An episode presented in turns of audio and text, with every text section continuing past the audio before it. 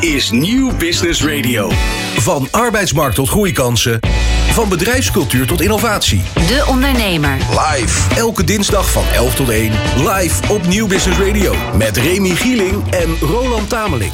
Hoeveel vertrouwen hebben ondernemers nog in politiek Den Haag? Hoe kijken de ministers uit het ondernemerskabinet naar 2023? En hoe kan Nederland zich omtoveren tot het dataland van Europa? Goedemorgen en leuk dat je kijkt en of luistert naar De Ondernemer Live. Mijn naam is Remy Gieling. En ik ben Roland Tameling. En deze onderwerpen en nog veel meer bespreken we de komende twee uur. Dat doen we vandaag met onze tafeldame van dienst. Ze is natuurlijk rasondernemer, maar nog veel meer dan dat is ze ook eind vorig jaar aangesteld tot premier van het ondernemerskabinet van De Ondernemer. Annemarie van Gaal, welkom in de uitzending. Ja, dankjewel. Leuk om er te zijn. Leuk dat je de komende twee uur met ons gaat praten over allerlei politieke onderwerpen, maar ook ondernemersgerelateerde zaken. Heerlijk. Er komen heel veel ondernemers voorbij. Maar 18 september afgelopen jaar werd jouw ondernemerskabinet gepresenteerd op uh, ja, Paleis Soesdijk. En we gaan even luisteren wat je er toen over te zeggen had. Okay. Nou, ik denk dat dit kabinet, en je zult dadelijk de bewijzen zien, wij staan stuk voor stuk allemaal met de voeten in de samenleving. We hebben onze voelsprieten uit. Wij zijn de ogen en de oren na de samenleving. Maar wat nog belangrijker is, we denken allemaal in praktische en pragmatische oplossingen. Ja, praktische en pragmatische oplossingen. Mis Ja. dat in politiek Den Haag? Ja, en dat is, eh, dat zijn, dat is ondernemers wel toevertrouwd. Ja. Die denken natuurlijk continu in oplossingen, want anders kunnen ze hun bedrijf niet voortzetten. En eh, dat probleemoplossend vermogen, dat mis ik wel in Den Haag, ja. Zijn ondernemers ook eh, geschikt als politici? Of zit daar toch wel een, eh, een soort Ik- bloedsverschil tussen? Ja, daar zit, echt, die zijn echt wel uit een andere, andere houtsoort gesneden, Ja. zeg maar. Maar ik denk ook niet dat ondernemers het voor de lange termijn moeten doen. Maar ik denk dat met name nu, zeg maar voor een periode van vier jaar, het heel goed zou zijn om een zakenkabinet te hebben. Crisisinterventie. Absoluut. Ehm, optimistisch of pessimistisch over de huidige tijd? Ehm, optimistisch als ik naar ondernemers kijk, absoluut. Vooral naar MKB-ondernemers. Ehm, pessimistisch als ik kijk hoe het in Den Haag eraan toe gaat. En je bent met duizend en één dingen bezig. Ook naast het ondernemerskabinet. Ambitie voor het komende jaar? Mijn ambitie. Ehm, nou, ik wil eigenlijk. Nou, ik, ik schrijf natuurlijk een wekelijkse column in eh, de Telegraaf, iedere maandag. eh, waarin ik eigenlijk altijd een politiek onderwerp pak. Of een maatschappelijk onderwerp. En daar een oplossing voor bedenk. Dat is eigenlijk een beetje mijn stramien. En dat ga ik eh, nog veel meer doen. En dan hoop ik dat ik invloed in Den Haag kan uitoefenen. Nou, mooie ambities waar we zo meteen verder over gaan praten. We gaan snel van start. Van arbeidsmarkt tot groeikansen. Van bedrijfscultuur tot innovatie. De Ondernemer. Live. Elke dinsdag van 11 tot 1. Live op Nieuw Business Radio. Terwijl de koptelefoon van Annemarie, kundig door Roland Tameling, in elkaar wordt geknutseld, gaan we het eh, hebben over een aantal prangende vragen die we voor jou hebben voorbereid, eh, Annemarie. Oh, leuk. Want dan willen we graag dat de kijker en luisteraar jou in hele korte tijd iets beter leert kennen. Het probleem dat ik als ondernemer en premier van het ondernemerskabinet probeer op te lossen is... Mm, zorgen dat eh, de arbeidsmarkt iets minder krap wordt. Ik maak mij voor ondernemers het meeste zorgen over. over de mm, onbetrouwbare overheid. Als ik in het torentje zat, zou ik morgen dit als allereerste veranderen.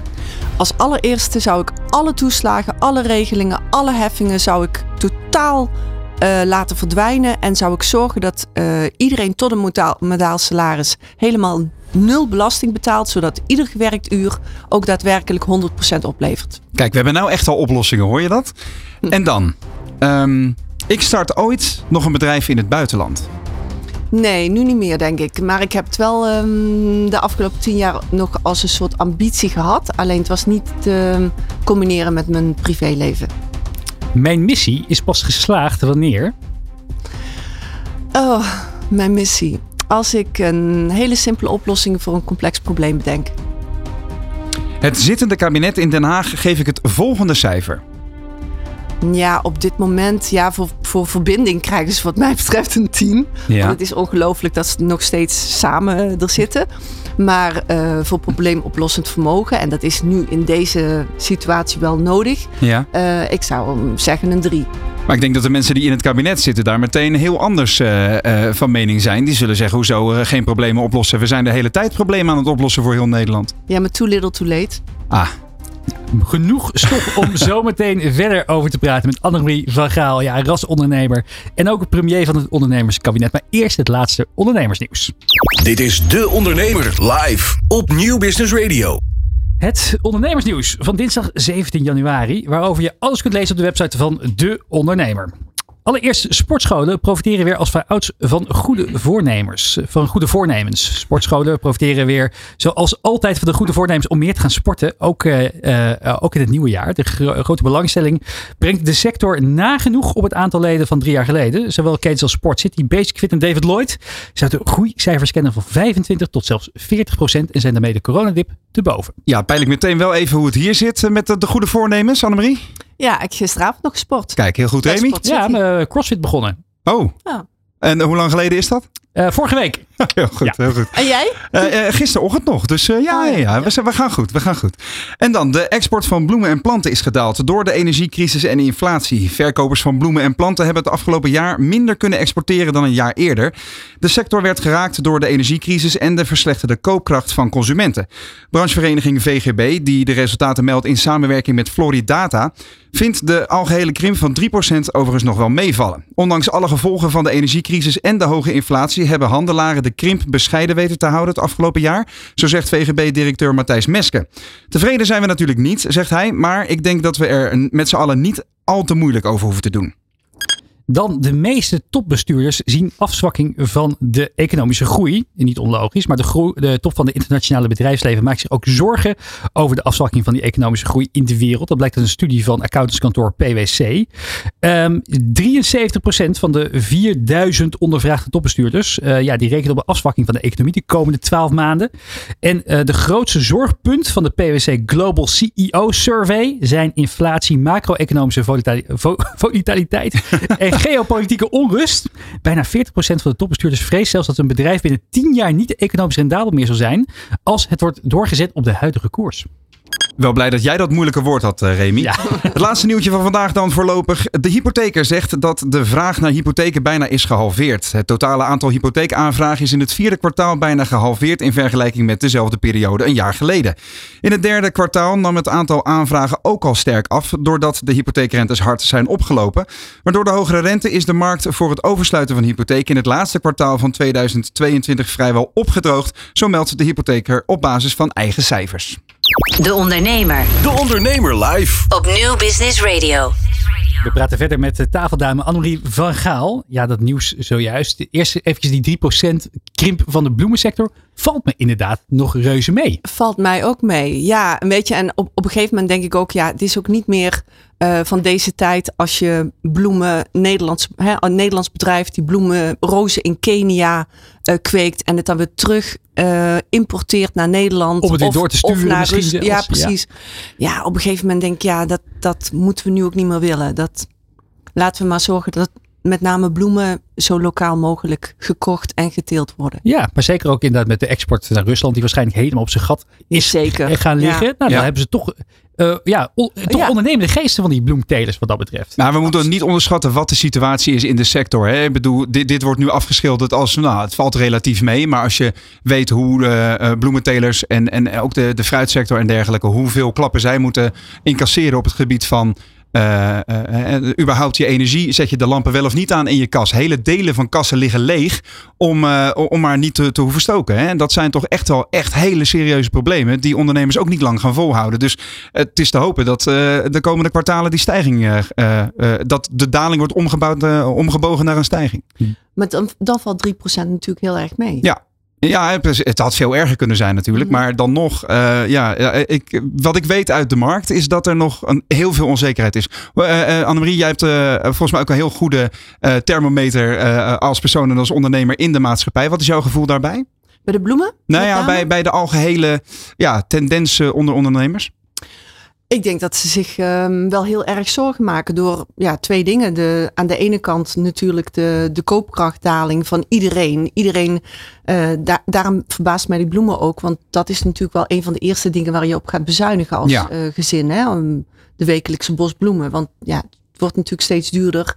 En dat kun je wel missen. in- Mhm. hè, zonder in te We doen het nu even niet, ja. ja. Ja. Ehm, en aan de andere kant heb je natuurlijk eh, de krapte op de arbeidsmarkt. Wat natuurlijk ook een enorme ehm, aanslag is voor heel veel ondernemers. Ja. Je, Nou maakt je, je maakt je zorgen, zei je, over die onbetrouwbare overheid. Ja. Mhm. Zei je in de, in de, bij onze prangende vragen. Wat bedoelde je daarmee? Nou, eigenlijk continu. Ik bedoel, vanmorgen nog ehm, op het nieuws dat ehm, mensen die dan zonnepanelen hebben geïnstalleerd en dan eh, plotseling eh, kunnen ze geen sonderingsregeling meer, hè, de, de energie niet meer terugleveren, terwijl ze dat wel ingecalculeerd hebben voor eh, De investering die ze hebben gedaan. ja, precies. Voor het terugwinnen van de investering die ze gedaan hebben. En dat geldt natuurlijk ook voor heel veel ondernemingen. En je hebt natuurlijk gewoon iedere keer, je, je investeert in een bepaalde, ik noem maar wat, eh, een, be- een bepaalde oven, omdat je daarop subsidie krijgt. En vervolgens blijkt dat je daar extra voor belast gaat worden. Weet je wat? Ja, dat soort dingen, dat moet de overheid niet doen. Waar, waar komt dat door? Want ik denk dat, dat de, de, de mensen die daar zitten, eh, zullen vast niet ter, ter, ter kwade trouw elke dag denken van nou we gaan vandaag eens de, de, de ondernemers of de burgers eens lekker dwars zitten. Waar komt dit dan vandaan denk je? Die, die, die beetje die, die willekeurigheid in, in, in regelgeving. Ja, ik denk dat het ook heel erg ligt omdat ze natuurlijk iedere keer voor zo'n korte termijn zijn. Ik bedoel, eh, deze, dit kabinet alleen al, eh één van de vier jaren hebben ze al verkwanseld met eh coalitieonderhandelingen. er gebeurde er eigenlijk niks. Terwijl het wel een belangrijk jaar is, was, was op dat moment. Dus ze hebben maar drie jaar over. Nou, trek daar een jaar vanaf wat ze ook verkwanselen aan de verkiezingen. In aanloop naar de verkiezingen. Dus er blijft maar heel weinig tijd over waarin ze dan de stemmen moeten proberen binnen te houden of te winnen.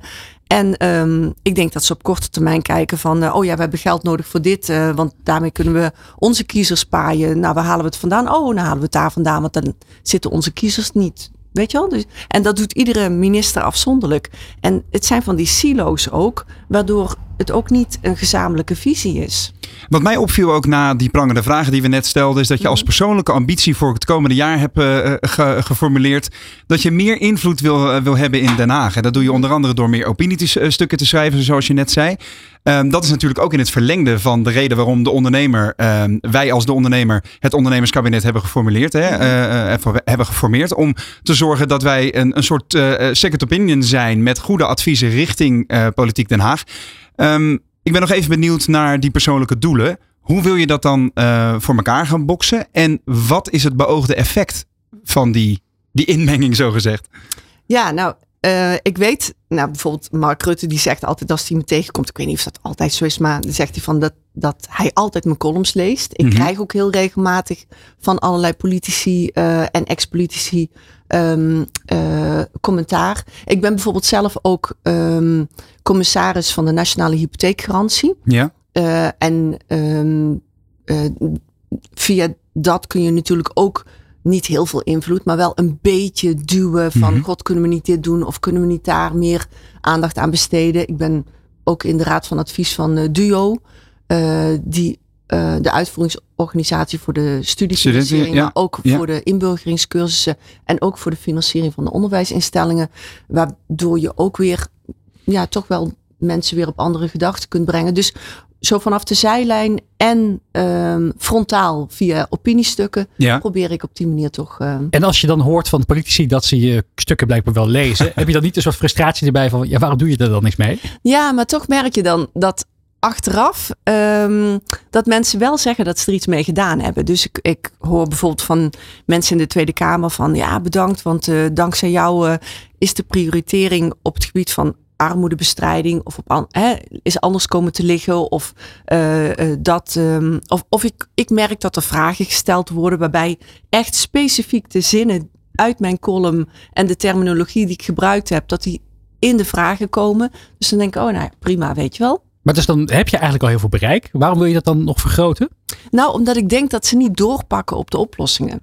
Dus er worden bijvoorbeeld vragen gesteld en er komt antwoord op en er komen beleidsnotities op. En ja, het blijft allemaal zo mm, wollig en zo. Polder, polderen in het kwadraat. ja. Dan ga ik even een knuppel in het groendrok gooien. Want eerder hadden wij in deze studio eh, Roland Kaan, eh, Ja. eh, topondernemer natuurlijk. Die zegt ook, we hebben vooral mensen in Nederland die commentaar geven. En eh, die vanaf de zijlijn meeschreven. En dan denk Mhm. ik ook even terug aan ons gesprek dat we hadden op het bordes bij de presentatie van ons onder- ondernemerskabinet. Toen vroeg ik aan, aan je van, joh, heb je zelf dan geen politieke ambities? En toen zei je, die had ik wel, maar inmiddels niet meer. Wat is daar dan veranderd? Waarom zou je Nou- niet zelf mee willen doen? Want dan kun je, dan kun je zelf actie ondernemen, toch? Ja, nou ja, om, om eerlijk te zijn, heb ik het. Ik, ik was vroeger was ik altijd lid van D66. Ja. En ik heb ook echt geprobeerd eh, om. ehm, eh, dat was toen nog toen Pechtold er nog zat. Die eh, zei van, nou waarom ga je niet in de Eerste Kamer? Dan kan je zien hoe het gebeurt. Dan kan je hè, kijken hoe, hoe de hazen lopen in Den Haag. En dan probeer je dat. En dan kun je daarna altijd nog verder gaan naar de Tweede Kamer. Hmm. Dus ik dacht, oh nou ja, vind ik wel eigenlijk wel een goed eh stramien. Dat ga, ik, dat ga ik doen. En ik heb het geprobeerd. En ehm, eh, ze willen me niet. Ah. Ze, wil, ze wilden me niet. Waar, waar zat dat hem in dan? nee, ik werd op een onverkiesbare plek gezet. Ah, En ik dacht, eh, nou ja, dan. eh, Je werd een soort, er je werd een soort maar af. lijstduwer, werd je. Nee, nee, nee, nee, gewoon een onverkiesbare plek op de, Oké. eh, voor, ja, voor de Eerste Kamer. Ja. Dus ik dacht, nou, dan haal me er maar af, want dat, eh, dat is me eer te na. Mhm, Dat snap ik ook wel weer. maar ik kan me wel voorstellen dat de ambitie blijft borrelen om, om toch die, eh, zeg maar, je, je, je reikt nu de stempel aan, maar je zou hem zelf Mhm. ook wel willen zetten, denk ik, toch? Ja, maar dan zou ik wel. ehm, ik denk dat je als politicus in Den Haag, de manier waarop het op, op moment geregeld is, Ja. denk ik dat je heel weinig invloed kunt uitoefenen. Ik denk dat je dat we op. Ja, wij, ons was die nieuwe bestuurscultuur beloofd. Ja, Ja, die zou ik wel graag willen vormgeven. ook vanuit D66 overigens. Komt dat niet ook al door die Ja, ik ben nu geen, nu geen lid van deze. Oké, nee. We kunnen, daardoor, we, kunnen, we kunnen vrij de koers uitpraten. is anders. goed, goed. Vrij Ja. Ik ben nu uitpraten. eh, VVD.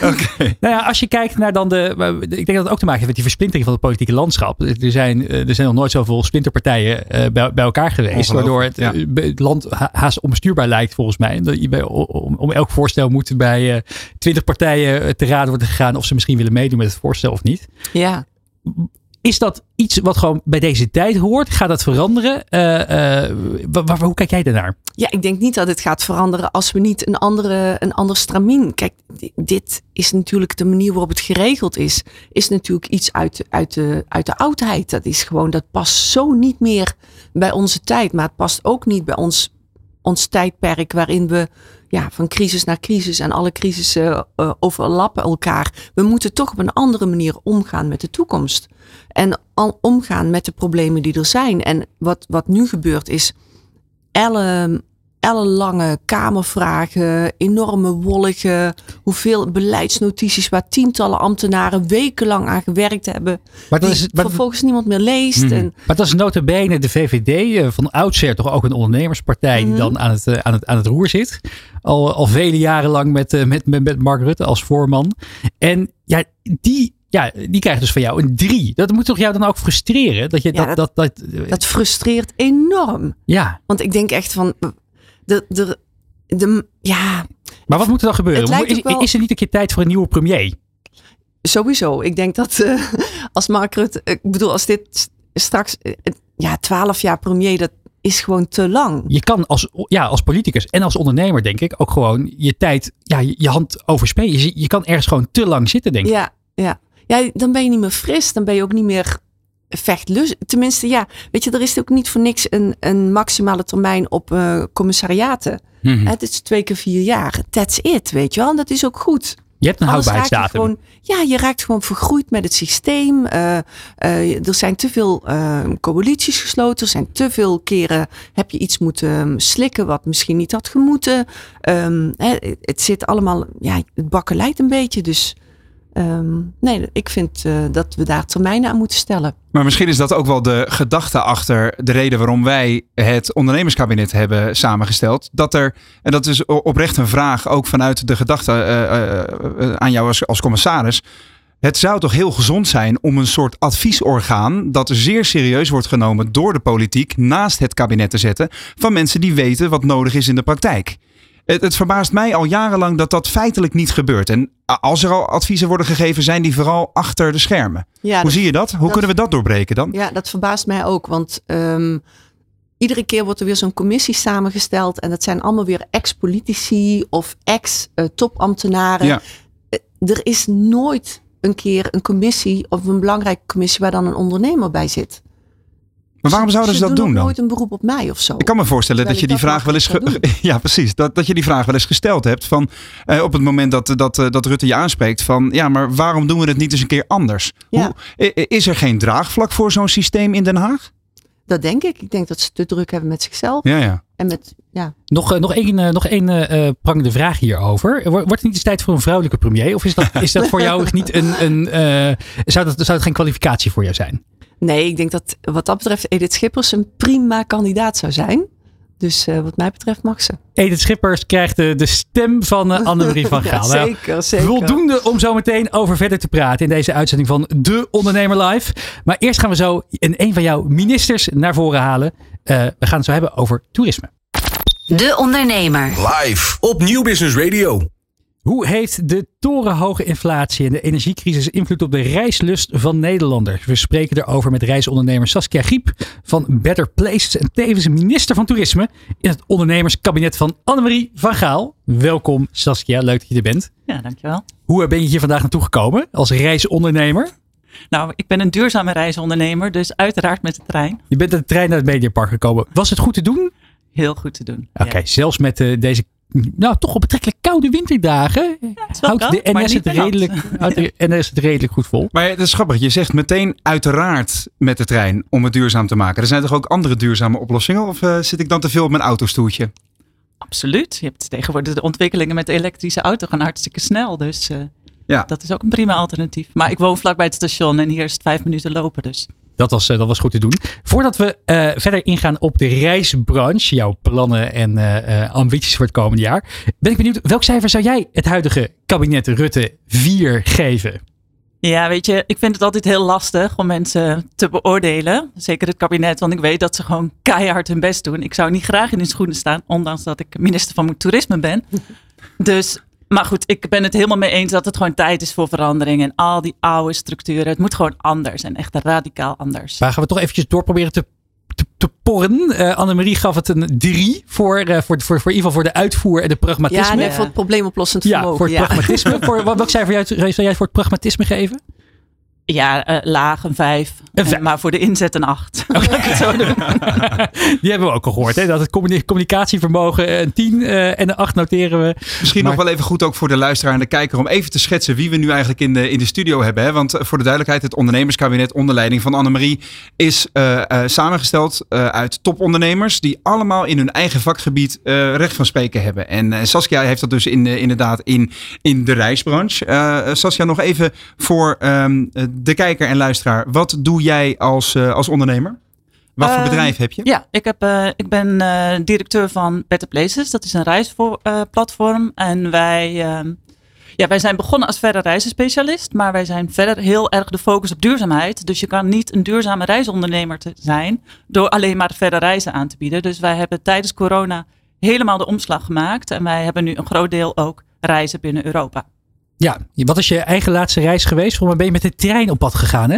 Ik ben zeker met de trein op pad gegaan. Want ja, als je dit gaat promoten, moet je natuurlijk zelf ook wel practice what you preach. Even Daar ben ik ervaren. wel eh, groot voorstander En van. waar ging dat heen dan, die reis? Eh, ik ben naar Spanje, in het noorden van Spanje geweest, naar Picos. Was prachtig. En met de trein was ook echt heel goed te doen. Ja? Ik ben om, eh, volgens mij om acht uur vertrokken hier uit, Amst- of uit Amsterdam. En ik was er, om acht uur was ik in mijn hotel in, eh, in San Sebastian. Dat valt me inderdaad reuze mee. Ja. Overstappen? Ja, wel overstap in Parijs. Dat is jammer. Anders had ik om vier uur op mijn hotel. Nou, maar eh, ik ben even benieuwd hoe dat leeft hier in de studio ook. Maar als ik naar mijn eigen omgeving kijk, mijn vriendengroep bijvoorbeeld, wij gaan elk jaar op wintersport. Dat gaat al jarenlang met de auto. Gaan er drie, vier auto's achter elkaar naar de Franse Alpen. Maar dit is het eerste jaar dat mensen zeggen: Weet je wat, we laten die, eh, die, die gasguzzlers even staan en we gaan met de trein. Nou ja, ik ben natuurlijk eh, van huis uit eh, verslaafd aan auto's. Dat kan ik niet ontkennen. Dus daar, moet ik, daar ben ik ook echt wel mee. hè, ik maak duurzamere keuzes door de jaren heen. Maar eh, eh, het feit dat er nu dus mensen zijn, ook van, van mijn generatie, zeg maar midden 30, die, eh, die inderdaad nu met de trein op vakantie gaan, dat is echt wel een, een, een bewustwording die je van de laatste tijd ziet. Saskia, in, in welke, vanuit jouw achtergrond, in welke percentages zou je zoiets kunnen uitdrukken? Zijn Nederlanders significant duurzamer aan het reizen? Nou, wij, je ziet dat er ontzettend veel belangstelling voor is voor reizen met de trein. Maar ja, ik kan ook eerlijk zijn, voor sommige bestemmingen is de trein nog niet beste optie. Maar ga je bijvoorbeeld op wintersport, dan is het echt gewoon heel goed te doen. En ook nog gezellig hè, als je met een vriendengroep gaat. En moet jij dan, Roland, met jouw nieuwe Jeep alle koffers meeslepen? Ja, ik zit, uiteindelijk? ik zit met de hele achterbak vol met al die skis natuurlijk. Want dat vinden ze dan wel weer handig. Als er dan toch een auto rijdt, eh, doe jij dan het zware werk even. Jij bent echt de Maar- kofferjongen. Ja, eh, precies. Nou, goed, heb ik ook een, eh, een functie in het leven. Maar goed, het is, het is wel fascinerend om te zien dat er daadwerkelijk een kentering is. Annemarie, eh, even naar jou. Practice what you preach. Ben jij al een duurzame reiziger? Eh, nou, als ik naar prijs ga, dan absoluut met de trein. Ja. De- ik ging denken aan dat dat met vliegtuig eh, gaat. Maar eh, bijvoorbeeld een reis naar Londen is dan weer lastig. Omdat je met de trein echt vijf uur onderweg bent. En je kunt het niet op één, als je een vergadering hebt, is lastig plannen op één dag. Dus dan is het vliegtuig wel weer handiger. Ja. Maar ehm, ja. En ja, minder, minder met vliegtuig reizen, dat doen we wel. Ja, heel goed. Ehm Remy, jij kan ook meepraten over die treinreis laatst naar Londen, toch? Eh, ja, Londen was een interessante, interessante inderdaad, die Eurostar. Ja, dat, dat gaf dat, om meerdere redenen kan ik dat iedereen afraden. Op de, in, de, in, in, in, de, in, de, in, de, in de huidige vorm. Naast dat het een soort van veevervoer voelde in de, in, de, in, de, in, de, in de coupés en de ticketprijzen toch wel echt zeer scheef staan ten opzichte van de, van de, van de vliegprijzen. Ja. Eh, is het inderdaad en best wel ver. En eh de, deed de wifi het heen en terug niet. En dronken medepassagiers. Maar goed, dat kan je in het vliegtuig eventueel ook hebben. Ja. Maar dan komt er misschien nog een, eh, een stewardess je redden van, van, Maar Saskia, we, zien we zien nu wel dat de, de overheden, zowel Europees als, als landelijk, wel wat regels aan het invoeren zijn om mensen duurzamer te laten reizen. Effectief betekent dat vooral een paar procent duurdere tickets voor een vliegtuig. Hè, want ja, er wordt gewoon meer belasting gegeven. Maar kerosine bijvoorbeeld is gek genoeg sinds 1943 is dat nooit belast geweest. Eh, enerzijds gebeurt er het een en ander, maar gebeurt er genoeg in jouw ogen? Nou, vanuit de EU gebeurt er van alles. En vanaf 2024 wordt, eh, moeten ook airlines gaan betalen voor CO2-uitstoot. En dat gaat de prijs wel flink opdrijven. Ja. En dat gaat vooral ook zorgen voor innovatie. Want het gaat mij niet om dat de prijs omhoog moet. Maar we moeten gewoon aan de slag met innovatie. Want er zijn oplossingen, maar we moeten wel in actie komen. Nou ja, En, niet blijven vertragen. Want dat zie ik toch helaas veel te veel. Dat airlines een hele sterke lobby hebben. Ook bij de overheid. En ja, dat, dan schiet het niet op. Wat zie je gebeuren dan? Nou ja, vertragen. En ja, we moeten blijven groeien. Want anders kunnen we niet innoveren. Maar we kunnen nu gaan innoveren. Maar Maar een, van bij- de, sorry, grote- ja? ja? een van de grote problemen van de, van de luchtbranche is natuurlijk ook dat het zo'n competitieve markt is. Dat je niet van één airliner kan verwachten dat zij eh, eh, enorm gaan inzetten op duurzame brandstof. Omdat ze zich dan totaal uit de markt concurreren ten opzichte van de anderen. Dus er moet een soort level playing field komen. Ja. Ik was recentelijk bij Boeing onder meer. En daar zijn ze volop aan het investeren in bijvoorbeeld eh, duurzame brandstoffen. Maar ook, ook, ook hydrogen, eh, waterstof. Waterstof, ja.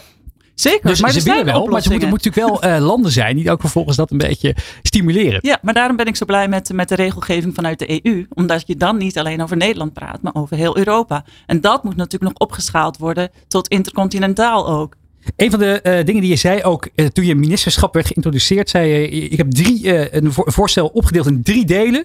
Allereerst investeren in een verbeterd internationaal treinnetwerk, de mindset van de consumenten onder een reizen veranderen en een eerlijk belasten van vliegtickets. Nou, dat laatste hebben we net over gehad. Eh, hoe zit het met die mindset? Nou ja, de wil is er wel. En wij zien ook dat steeds meer mensen met de trein gaan. Dus ja, maar kijk, alleen van mindset gaan we niet. Kijk, gedragsverandering is gewoon heel lastig. Ja. Kijk, en als jij voor 40 euro naar Barcelona kan vliegen in anderhalf uur. Of je kan met de trein in een uurtje of tien voor 200 euro. Ja, dan moet je wel heel donkergroen zijn als consument om daarvoor te kiezen. Hoe zit dat voor jou als ondernemer? Want ik kan me voorstellen dat de marge op verre reizen, die, eh, die, eh, die lang duren, die, eh, waar veel excursies bij worden geboekt, hoger zijn dan een gemiddeld reisje door Europa. Nou, dat valt op zich wel mee. Want kijk, wij, wij bieden niet de standaardbestemmingen aan. En we zitten veel in Oost-Europa bijvoorbeeld. Maar ook bepaalde gebieden van Spanje die wat onbekender zijn. En dat, ja, qua marge maakt het helemaal niet zo heel veel uit. Je moet het gewoon op een slimme manier doen. En, en ja, dan, dan, dan kom je er wel. En wat is dan jullie strategie voor het doorbreken van, eh, of juist het, het, het bereiken van die acceptatie van het publiek? Nou ja, in ieder geval ook wel bewustwording. We, zijn- staan toevallig vandaag eh, op de voorpagina van Trouw met een, eh, met een onderzoek over de echte prijs van vliegen. Dat hebben we samen met het Impact Instituut gedaan. En dan zie je dus dat het, ja, de, de externe kosten voor je vlucht, die zijn waanzinnig. En nu betaalt de vlieger, die betaalt dat niet. Maar we En betalen het allemaal. Waar hebben we het over dan? De externe kosten van je vliegreis? Ja, dat zijn dan de kosten voor milieuvervuiling en voor klimaat. Ehm, en dus we, daar hebben we alleen naar gekeken. Ja. En als je, ja, je kan natuurlijk nog veel meer aspecten bekijken. Je kan ook kijken naar biodiversiteit of de invloed op je gezondheid. Dat hebben we nu niet meegenomen. Dus je hebt het dan niet zozeer over de financiële aspecten van zo'n reis, maar meer ook de, de milieu-impact en de lange termijn effecten. Ja, en als je ziet, als je dat gaat omrekenen naar een bedrag, daar Ja. schrik je echt van. Het gaat niet om tientjes. Op een verre bestemming gaat dat om honderden euro's. En het, ja, het, het, het idee daarachter is, we moeten die externe kosten naar beneden zien te krijgen. En hoe doen we dat? Door te innoveren. Oké, dus En aan de toch- slag te dus gaan. toch die duurzame brandstoffen, eh, Ja. de, de, de elektrische vliegtuigen misschien op den duur. Hoewel sommigen afvragen of dat Ja, überhaupt en, haalbaar zijn. nou ja, en, en as we speak is eh, Davos net begonnen. Ja. Waar iedere dag eh, 200 eh, privévliegtuigen landen en opstijgen. En dan denk ik, ja, de, Maar duurzaamheid stond hoog op de agenda. Hè? ja ik weet niet of ze het daarmee goed maken hoor. Nee, Ik vind dat toch wel, eh, dat vind ik toch wel een Ja, kwalijke en zaak. keer op keer gewoon, hè? Want Ja. er is al jarenlang discussie over, maar iedere keer gebeurt het toch weer op dezelfde manier ongeveer. Ja. Ja. ja. Eh, Saskia, in hoeverre hebben jullie een lobby in Den Haag op dit moment? Nou, wij zijn maar een kleine speler, dus daarom is het belangrijk dat wij gaan samenwerken. Ja. Dat is ook de reden dat we bijvoorbeeld met het Impact Instituut gaan, zijn gaan werken. Dat zij natuurlijk een veel krachtiger geluid kunnen gaan, laten horen. Maar het voordeel van een kleine speler te zijn, is dat je wel gewoon aan de slag kan gaan. Dat je niet hoeft te wachten en te gaan praten en nog eens praten, maar gewoon gaan doen. En als je dan eenmaal hebt laten zien, oké, het kan gewoon, dan andere mensen aanhaken, andere organisaties aanhaken. En zo steeds grotere groep worden. Wat is eh, dit jaar eh, de meest populaire bestemming van, eh, van Better Places? Ja, dat is de Tanzania. toch, toch Met de trein. verder met de trein. Ik zie maar- voor met Tanzania. Tanzania met de trein. Slovenië is een goede tweede. Slovenië op twee. Maar even, op- mag ik dat even vragen? Ik ben er oprecht benieuwd naar. Hoe, hoe reis je dan duurzaam naar Tanzania? Ja, op dit, Zo moment, duurzaam op, dit moment, op dit moment kan dat nog niet. Want vliegen is gewoon niet duurzaam. Nee. Zeilboot. Dus da- daarom zou het nog kunnen. Maar, Nee, maar zonder ja, het in het, in het, ik, ik bedoel het echt niet in het ridicule te trekken. Want eh, eh, ik, be- ik ben oprecht benieuwd naar. Stel, er zijn mensen die melden zich bij jullie. Eh, ik wil zo duurzaam mogelijk de wereld zien. Ja. Welke opties heb ik dan al zonder dat ik er eh, financieel op leeg loop? Ja. Nou, een hele makkelijke is, ga- maak je een verre reis, ga zo lang mogelijk. Ga niet voor vijf dagen naar Tanzania. Ja. Want kijk, reizen brengt natuurlijk ook heel veel goede dingen. Heel, ja, eh, sowieso in een land als Tanzania is het heel belangrijk voor natuurbescherming. Je betaalt voor een bezoek aan een nationaal park, betaal je 100 euro per dag. Ja. ja dat tikt best wel aan. Dat is mooi inkomen natuurlijk. Maar goed, ga dan wel zo lang mogelijk en zorg, ja, ondersteun kleine ondernemers. En, en zorg dat je geld op de juiste plek terechtkomt. Is er een duurzame airliner waar je uit kan kiezen? Nee, die is Nee. er nog niet. maar goed, er zijn wel airlines Ik zie bezig. hier kan ook te kansen. snel gaan. Ik zie hier kansen voor ondernemers. Ja. Tot slot, ambitie voor jezelf voor het komende jaar? Ja, een van ons. Kijk, wij hebben eh, nog steeds een groeidoelstelling, dus een financiële groeidoelstelling. Maar ook, wij willen echt ons aanbod gaan verduurzamen door een betere mix tussen verre bestemmingen en bestemmingen dichter bij huis. Dankjewel, Saskia Giep van Better Places, minister van Toerisme. Wij gaan door naar de Data Dinsdag. De Ondernemer De Ondernemer live. op Nieuw Business Radio.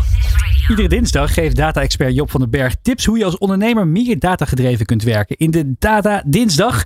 En een feestelijk weerzien, want Job is onder Annemarie van Gaal tevens minister van Digitalisering en Data in het ondernemerskabinet van de ondernemer. Job, welkom. Dankjewel. Ook aan jou de vraag. Eh, Politiek Den Haag, Rutte 4 zetten we inmiddels op. Eh, we raken de tel wel eens kwijt. Rutte 4, welk cijfer zou je het kabinet geven?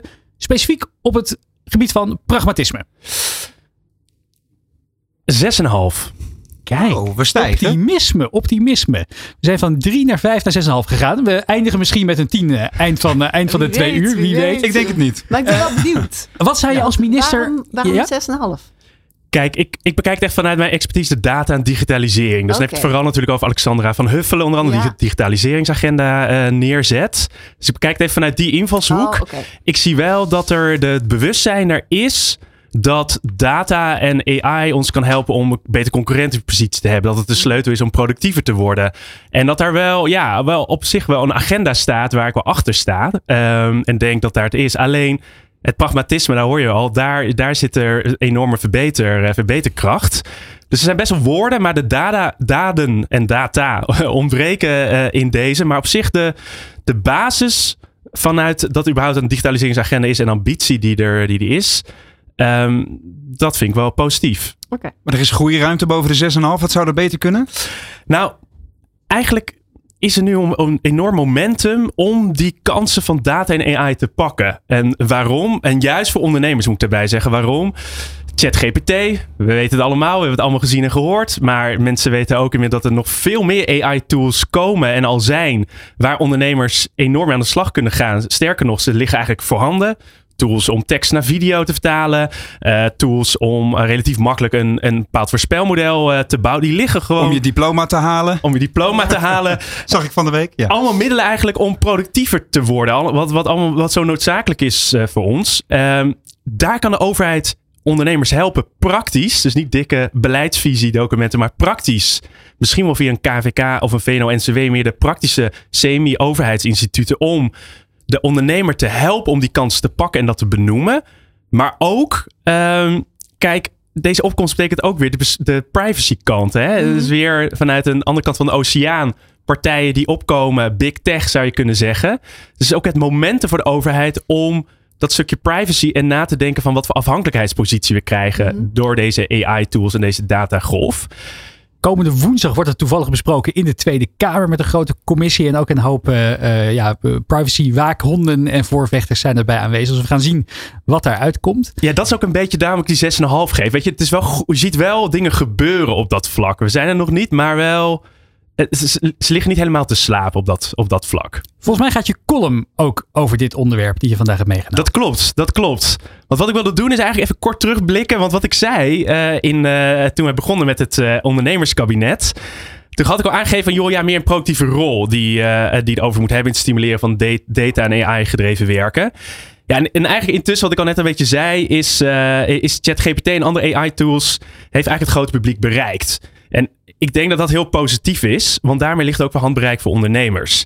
Eh, ik zei al even een aantal voorbeelden. Synthesia, van tekst automatisch hoogkwaliteit video's maken. Of Browse, ook een hele mooie tool. Waarbij je eigenlijk de, de, de websites van concurrenten in de gaten kan houden. Allemaal dingen waar een ondernemer eh, eh, heel veel mee kan. En waar we als ondernemer Nederland profijt van kunnen, van, van kunnen nemen.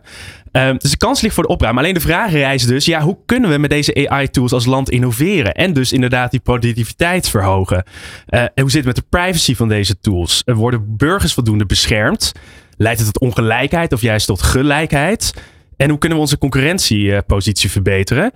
Nou, wat denk ik een hele belangrijke rol is voor de, van, de, van de overheid en waar we waar op ingezet zou moeten worden, is eigenlijk, ja, waar liggen dan die kansen en de kaders stellen? Ehm, en momentum om eigenlijk die belofte, die ook duidelijk wordt benoemd nu door het kabinet, om Nederland koploper te maken op het gebied van digitalisering en tech. Ja, nu is eigenlijk die AI-wind, zo, zo zou je kunnen zeggen, hebben we nu mee. Eh, dus die overheid moet die kansen benoemen en concreet maken. Eh, maar ook dus die, die, die bescherming van de privacy van, eh, van de burgers. Want ja, hoe zit het eigenlijk met die privacy? En die kan creëren van die nieuwe afhankelijkheden. Waar natuurlijk heel veel over wordt gesproken met Google, Facebook en de big tech. Waardoor we afhankelijkheden hebben en een algoritme voeden. Het is ook een maatschappelijke discussie. En die moet nu juist gevoerd worden nu die tools zo in opkomst zijn.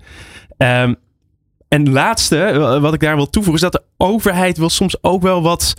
Ja, het, het, het, het probeert een beetje het wijzende vingertje te hebben. Terwijl je ook vaak ziet dat de, de, de overheid zelf niet altijd erop voorop loopt. Eh, datalekken, cybersecurity, privacy, maar ook verantwoord gebruik van algoritmes. We kennen ze allemaal.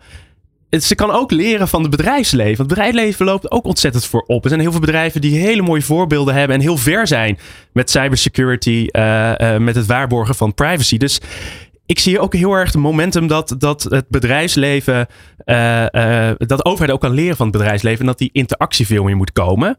Eh, en daarom zou ik ook wel willen pleiten dat, dat nou ja, via een NVO-NCW of een KV Kamer van Koophandel of een andere meer semi-overheid of, of partijorganisaties die midden in het ondernemen Nederland staan, dat die meer rol en sturing pakken om die ondernemer eh, eh, te ondersteunen met de kans van AI, maar ook Nederland echt te helpen om middels van deze tools eh, de kansen te pakken met data en AI om productiever te worden en ons land te verbeteren. Met altijd de bescherming van burgers, van de privacy van burgers en consumenten eh, als uitgangspunt. Dus eigenlijk geen dikke beleidsdocument, maar praktische handvatten. En die kans kan nu denk ik gepakt worden. Dus vandaar glas half vol eh en 6,5. En jij zei aan het begin zei je iets van ja, een soort vraag die je jezelf stelde van gaat dit gelijkheid bevorderen of gaat het Ja. juist ongelijkheid zorgen voor ongelijkheid. Wat denk jij persoonlijk? Ik denk je daar een verschil in maakt tussen de gelijkheid die het van veroorzaakt tussen, eh, maar vanuit consumentenperspectief of vanuit bedrijfsperspectief. Ik denk vanuit bedrijfsperspectief, vanuit de ondernemerskant, denk ik dat een ondernemer die kans wel moet gaan pakken. Want als hij dat niet doet, dan wordt je op een dag wakker en dan denkt hij, hé, hey, waar is iedereen gebleven? Het is eigenlijk iets, een kans die gepakt moet worden, net als destijds de opkomst van internet, wijze van Mhm. spreken. Bij de burgerkant of consumentenkant, ik denk dat daar wel een discussie nog over, over, over, over nodig is van eh, eh, het stukje datagebruik, het stukje toepassing van algoritmes. Als ik heb over toepassing van algoritmes, eh, wat de overheid doet, daar is denk ik nog wel een weg te winnen. Mhm. Eh, ehm, daarop controleren dat het op een goede manier wordt gedaan, maar ook transparantie daarin. Dus daar zie ik heel erg dat, er, dat de overheid vaak zelf een black box creëert hoe zij data en AI nou concreet toepassen. Mhm. Dus eh, dat ongelijke zie ik voor meer bij de burgerkant en dat vind ik ook echt een hele ethische maatschappelijke eh, discussie waard. Annemarie, hoe kijk je... Sorry. Sorry, ja, ja, ga je gang. Ja, ja, nee, jij eerst. Jij we, zijn, eerst. we zijn zo eh on-edge met dit onderwerp al natuurlijk. Eh Annemarie, hoe kijk jij hier naar eigenlijk? Als, eh, als je al, ja, al, al, al, al sinds, sinds, ik wil zeggen, 100 jaar ondernemer. Dat, dat, dat is natuurlijk niet waar. Maar al heel erg lang ondernemer. Je hebt alle trends voorbij zien komen. De opkomst van het internet voor ondernemers. Nu is inderdaad data en eh, kunstmatige intelligentie is wel echt the next big thing. Ja. En here to stay. Hoe kijk jij ernaar? Ja, fascinerend wat er, wat er gebeurt en wat er kan. En natuurlijk moet je als ondernemer erop duiken. En eh, ik heb het zelf, eh, die, die opkomst van internet heb ik meegemaakt. Want toen zat ik natuurlijk in Rusland. Ja, Eh, en wij, ja, eigenlijk ons bedrijf als eerste met allemaal Macs en alles. wij deden alles digitaal, terwijl ze in Nederland nog bezig waren met plakken en knutselen. ja. Hadden wij al ja, het echt state of the art, omdat we het bedrijf toen op dat moment nieuw konden oprichten. We hadden toen in Eh, Nederland natuurlijk in die begindagen hadden we Ilse, eh Ja. Ilse.nl als een soort zoekmachine. Alta Vista hadden we. Ja, Ja. Eh, had je dat in Rusland ook toen? Eh, Dat, dat, nee. soort, dat soort opkomst van de soort van... Nou, we- met mailen en zo waren wij natuurlijk heel snel. En alles wat er kwam, daar, daar doken wij echt op. Ja, om te zorgen ik. dat we het meteen hadden. En dat we, dat we ja, eh, we maakten ook dagbladen. Maar gewoon, hè, bedoel, het, wij waren echt totale frontrunner op dat, op dat gebied. Terwijl we in Rusland waren. Maar ik kwam terug in Nederland in 2000. En eh, ik werd directeur bij de Telegraaf Media Groep. Mhm. En daar hadden ze nog geen e-mail.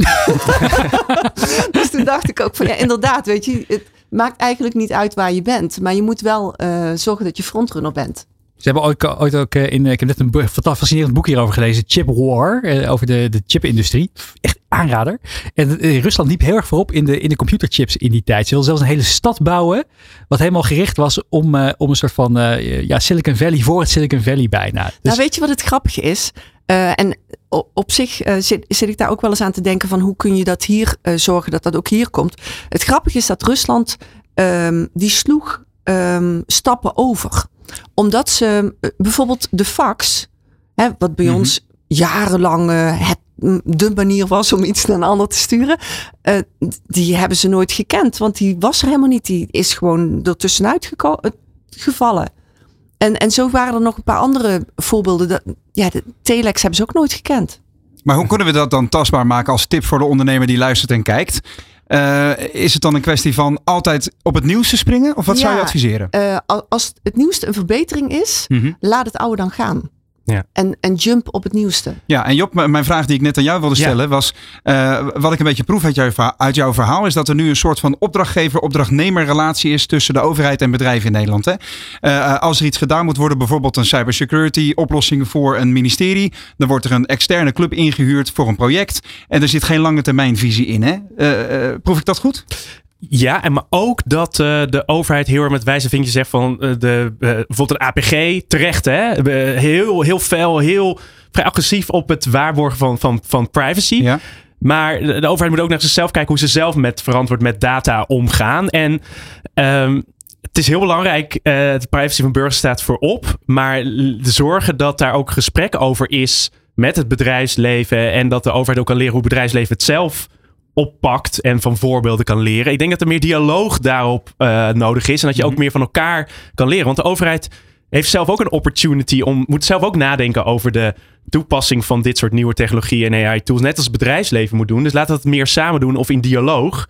Dan dat de overheid dat vanuit Den Haag alleen maar met het wijzende vingertje doet. Uiteraard de controlerende functie, want dat staat paal en perk. Maar ehm, meer interactie en dialoog en kaders stellen, dat, dat kan denk ik helpen.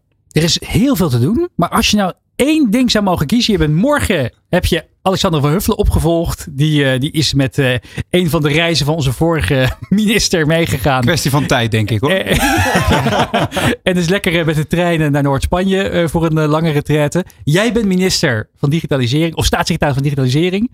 Wat zou je als allereerste veranderen?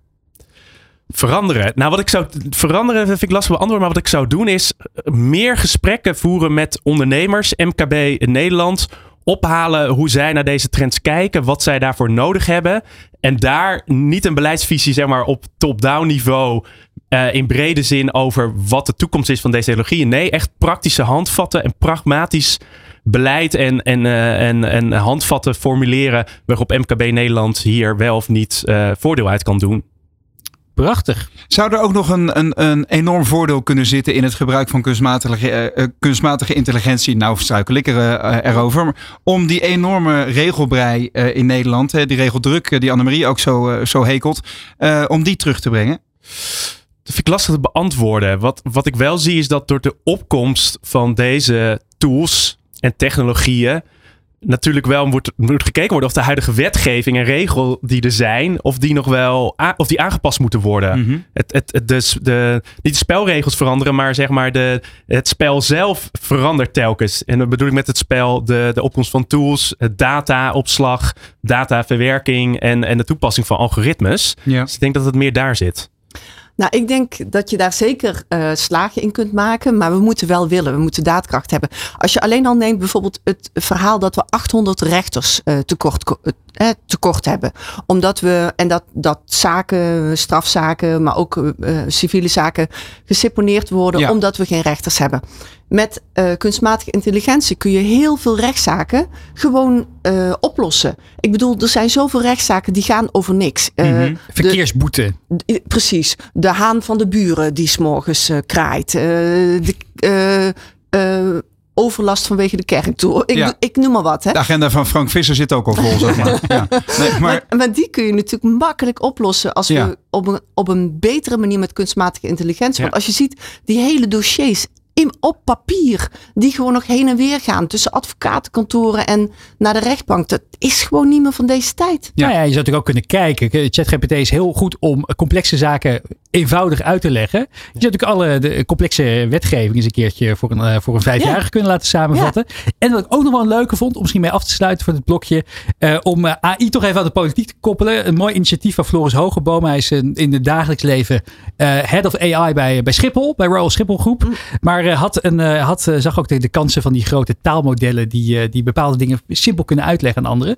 Dat is hij gaan toepassen op de verkiezingsprogramma's voor de aanstaande provinciale statenverkiezingen. Dus als je naar openverkiezingen.nl gaat, hij is nog in de beta eh, en het een beetje volgt, dan kan je daar eigenlijk alle eh, partijprogramma's, of het nou zo meteen gaat van de VVD tot D66 en alles daaromheen, heel simpel uitgelegd krijgen door middel van kunstmatige intelligentie. briljant. Deze, deze de tip. Openverkiezingen.nl. Neem een kijkje, schrijf je even de nieuwsbrief en blijf op de hoogte. Job, dankjewel voor jouw inzichten wederom vandaag over om Nederland eh, data en AI gedrevener te maken. En we kijken uit naar volgend jaar. Roland? Mag ik nog één laatste vraag stellen? Ik ben benieuwd, Job. Zien we jou ooit in de politiek? Nee, niet, eh, geen ambitie. Zo heel gedecideerd ook. termijn. Duidelijk. Ja, het is eh, tijd voor het. eh, we gaan iets eerder eh, naar, de, naar de reclame toe. Eh, en zo dadelijk in de Ondernemer Live. overleeft Rutte 4 2023? Of ligt er een kabinetcrisis op de loer? Wat vindt MKB Nederland van het politieke klimaat? Maar ook de ondernemer onderweg met een camper, meen ik. En een camper ondernemer. En een camper ondernemer. En natuurlijk Nico Dijkshoorn. Mis het niet. We zijn zo bij je terug. Dit is De Ondernemer live op Nieuw Business Radio.